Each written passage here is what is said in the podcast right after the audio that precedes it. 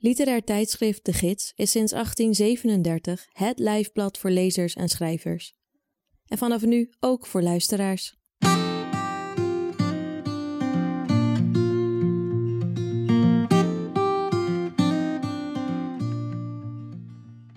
Je luistert naar Sprekende Letteren, een podcast van literair tijdschrift De Gids, met in elke aflevering een verhaal, essay of poëzie voorgelezen door de schrijver of dichter zelf.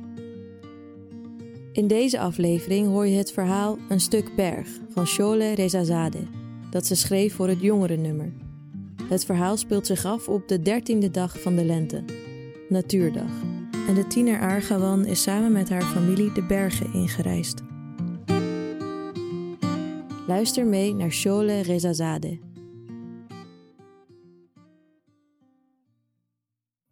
Er ligt sneeuw op de toppen van het Mishodari-gebergte. De zon schijnt op mijn gezicht en de koele bergwind waait langs mijn wangen. Van waar ik sta zie ik sneeuwouders die als vingers langzaam de grimpelde nek van de berg grijpen. We hebben een groot tapijt op het gras gelegd en ik hoor vrouwen lachen en praten, kinderen schreeuwen en spelen. Mijn moeder, mijn grootouders, tantes, ooms en hun kinderen, ze zijn er allemaal. Onder het voorwendstel van de natuurdag, de dertiende dag van de lente, zijn we, zoals alle andere Iraniërs, bijeengekomen. Iedereen moet in de natuur zijn en daar blijven tot zonsondergang. We moeten barbecuen, thee drinken, rond het vuur zitten en zingen, ongeacht wat voor weer het is. Ik hoor mijn moeder lachen met andere vrouwen en kijk naar mijn kleine neef die zichzelf in de armen van zijn moeder heeft genesteld. Ze heeft een deken om hem heen gewikkeld en geeft hem dikke kussen. Ik zoek met mijn ogen mijn vader. Hij is bladeren gaan zoeken die in de thee kunnen worden verwerkt of in salades kunnen worden gebruikt. Mijn rug doet pijn. Ik voel een scherpe metalen lepel die in mijn buikwand krast en denk aan de afbraak die zich in mijn lichaam voltrekt. Een oorlog die sinds enige tijd maandelijks in mij woedt. Mijn oom geeft me een kop thee en vraagt waarom ik zo moe ben. Glimlachend schud ik mijn hoofd. Mijn nicht, die twee jaar ouder is dan ik, vraagt of ik ziek ben. Ik drink mijn thee. Nee, ik ben niet ziek. Jongens van mijn leeftijd volleyballen samen of fluisteren in elkaars oren. Mijn tante wijst naar ze. Ga ook met ze spelen. Ik hou mijn schouders op. Ik hoop dat je verliefd bent geworden. Nou, is het zo? Vraagt ze met een zachte stem. nee, antwoord ik lachend. Zonder haar blik van me af te wenden, schreeuwt ze tegen mijn moeder: Waarom zit je dochter in gedokken? Mijn moeder, die bezig is een spannend verhaal te vertellen aan mijn oom, kijkt ons even aan en zegt: Net als haar vader houdt gewoon niet van gezelligheid. Ze is altijd stil in de menigte. De lepel krast weer in mijn lichaam. Ik sta op. Baba! roep ik een paar keer en ik zoek om me heen. Pas op!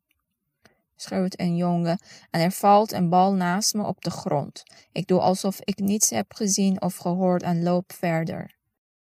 Na een tijdje keer ik terug naar het tapijt en ga ik liggen, terwijl ik mijn hoofd met een deken bedek.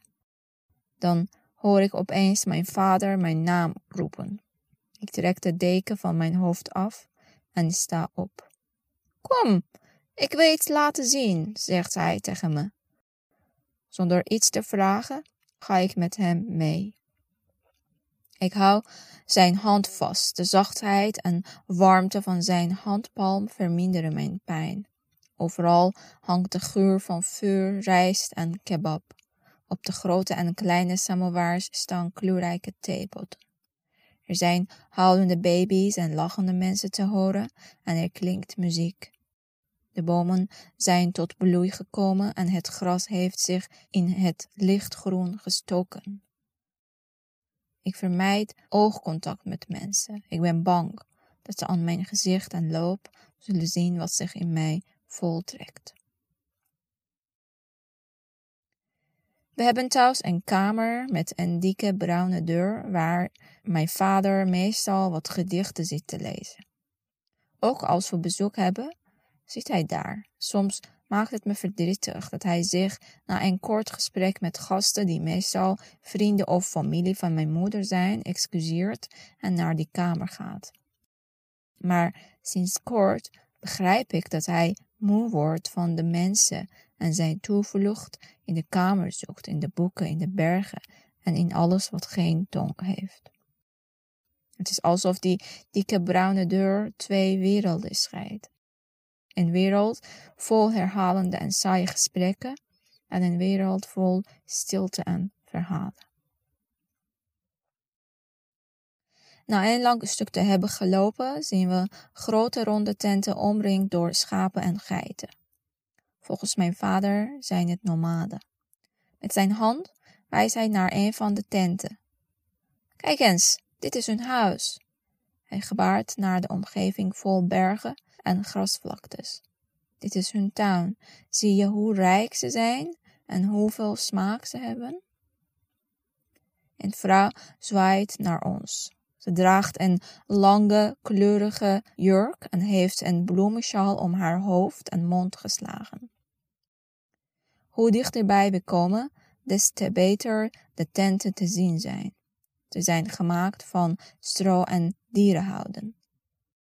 Buiten de tent spelen kinderen en melken vrouwen een paar geiten. De vrouw die naar ons zwaaide, nodigt ons uit voor een kopje thee. De tent ligt vol met gekleurde tapijten en kilims, tapijten waarop herten, geiten, bomen en bloemen staan. Er staat een weefgetouw in een hoek van de tent met een frame gemaakt van boomstammen, waarachter een meisje van mijn leeftijd zit te weven. Haar lange, gevlochten haar steekt onder haar bloemensjaal uit. Na een korte blik op ons weeft ze verder. Haar wangen zijn rood, haar vingers maken heel snel kleurige knoopjes. Er ligt overal kokerij en in de tent hangt een geur van ingelegde wol en jonge kaas. De vrouw brengt ons twee koppen thee en een paar klontjes suiker op een klein houten dienblad en gaat naast ons op het tapijt zitten. Ik kijk naar het meisje en hoop dat ze ook met ons thee zal komen drinken. Mijn vader streelt een rood blad op het tapijt. Woede in het meisje ook oorlogen? Het feit dat ze rechtop zit betekent dat ze niet bang is dat anderen haar kleine borsten zullen opmerken, of is ze gewoon nog te jong? Het enige geluid dat af en toe te horen is, komt van een ijzeren kam waarmee het meisje de knoopjes in een rij zet. Ik drink mijn thee. De metalen lepel voel ik niet meer. Mijn vaders hand is van het blad naar een blauwe vogel verschoven. Welke dieren is het meisje aan het weven? Hoeveel dieren kent ze? Zijn de tapijten te koop? vraagt mijn vader zonder zijn blik van de vogel af te nemen. Ja, maar niet allemaal, zegt de mevrouw. Welke heeft uw dochter gemaakt? vraag ik zachtjes. De vrouw toont me een tapijt waarop een geit is afgebeeld, die op een rots staat en in de verte staart. Mijn vader koopt het tapijt. Het meisje lacht ons toe. Op de terugweg naar huis, terwijl ik op de achterbank van onze auto naar buiten zit te staren, denk ik aan het tapijt dat op mijn schoot ligt. Het gebeurt niet zo vaak dat we de bergen beklimmen. Ik zal de bergen missen, zeg ik tegen mijn vader. Je kunt de bergen niet mee naar huis nemen, maar als een vliegend tapijt neemt die tapijt je mee naar deze dag, de bergen en die tent, waar je ook bent. De oranje vingers van de zon liggen op mijn handen en ik denk aan een meisje tussen de bergen dat zonder woorden vliegende tapijten weeft.